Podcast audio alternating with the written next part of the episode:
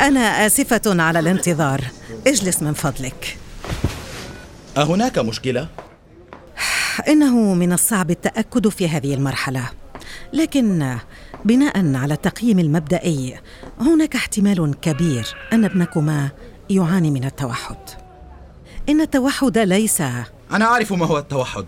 فأنا لمعلوماتك أستاذ جامعي. لا أصدق. لا أصدق يا هيام. قلت لك إنه لا يستجيب لاسمه حتى الآن. أنا أصدق. تعنين أنه ليس بخير؟ لا تقلقي. إنه بخير تماما. قد يواجه بعض الصعوبات في التعلم مقارنة بغيره. لا أكثر. لا أكثر؟ أعرف أنه خبر ثقيل. والآن سأترككما وحدكما. لا أصدق. ماذا سنفعل الآن؟ ماذا تعني؟ إنه ابننا وسوف نقف معه في كل الظروف. لا يا هيام أنا أستاذ في أرقى الجامعات في البلد كله. كيف لابني أن يعاني صعوبات في التعلم؟ أريد طفلا ذكيا أفتخر به ليس مصابا بالتوحد.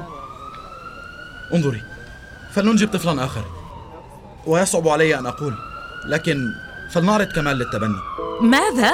لن نتخلى أبدا عن كمال. إنه طفلنا ونحن والداه. وأيضا إصابة طفل بالتوحد لا تعني أبدا أنه سيكون أقل ذكاء. لن نتجادل في هذا يا هيام إما هو أو أنا. هيا قرري. تعرف أنني لن أتخذ هكذا قرار. أرجوك. آخر كلام لي يا هيام إما أن تعرضيه للتبني أو أرحل. انهارت هيام لأنها لا تصدق أن زوجها تخلى عنها وعن ابنهما فجأة. أكمل بسام حياته ونسي هيام وكمال تماما. وسرعان ما قابل امرأة أخرى وانتظر ولادة مولود جديد وكان فرحا جدا. مضت سنوات عديدة وأمضى بسام وقتا طويلا في مساعدة ابنه الثاني فريد ليصبح طالبا نجيبا. وصل فريد لأعلى الدرجات في كل المواد وحقق الدرجات النهائية في معظم اختبارات القبول حتى أنه رشح لتفوقه لمنحة دراسية كاملة في إحدى الجامعات المرموقة. وأصبح بذلك بسام بشدة الفخر بابنه واستعد كلاهما لحضور حفل التكريم.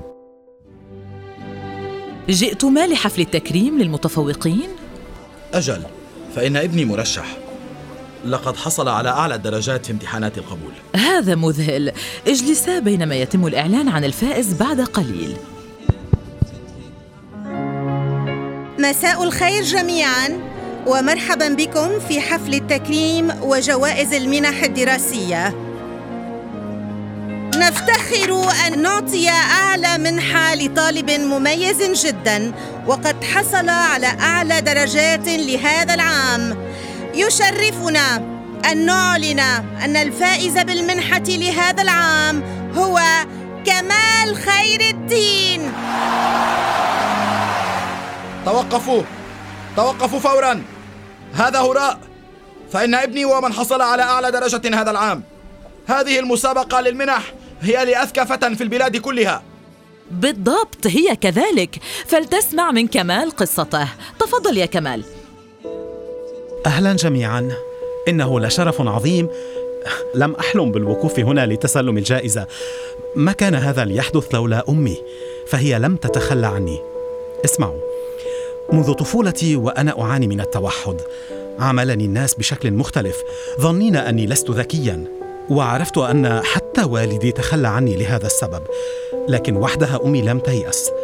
كل ليلة كانت تقرأ معي وتساعدني كي أتعلم. لم تجعلني أشعر قط أنني أقل ذكاء من الآخرين. بسببها بدأت أتفوق في المدرسة لدرجة أنني كنت أنال الدرجة النهائية والأعلى في كل المواد. وها أنا الأول على كل البلد. اذا كما ترون لأن أمي لم تتخلى عني لم أتخلى عن حلمي. وقد حصلت على علامة 1600 في الاختبار أي الدرجة النهائية. الأهم أنني أثبت أن الإصابة بمرض التوحد لا تعني أنك أقل ذكاء.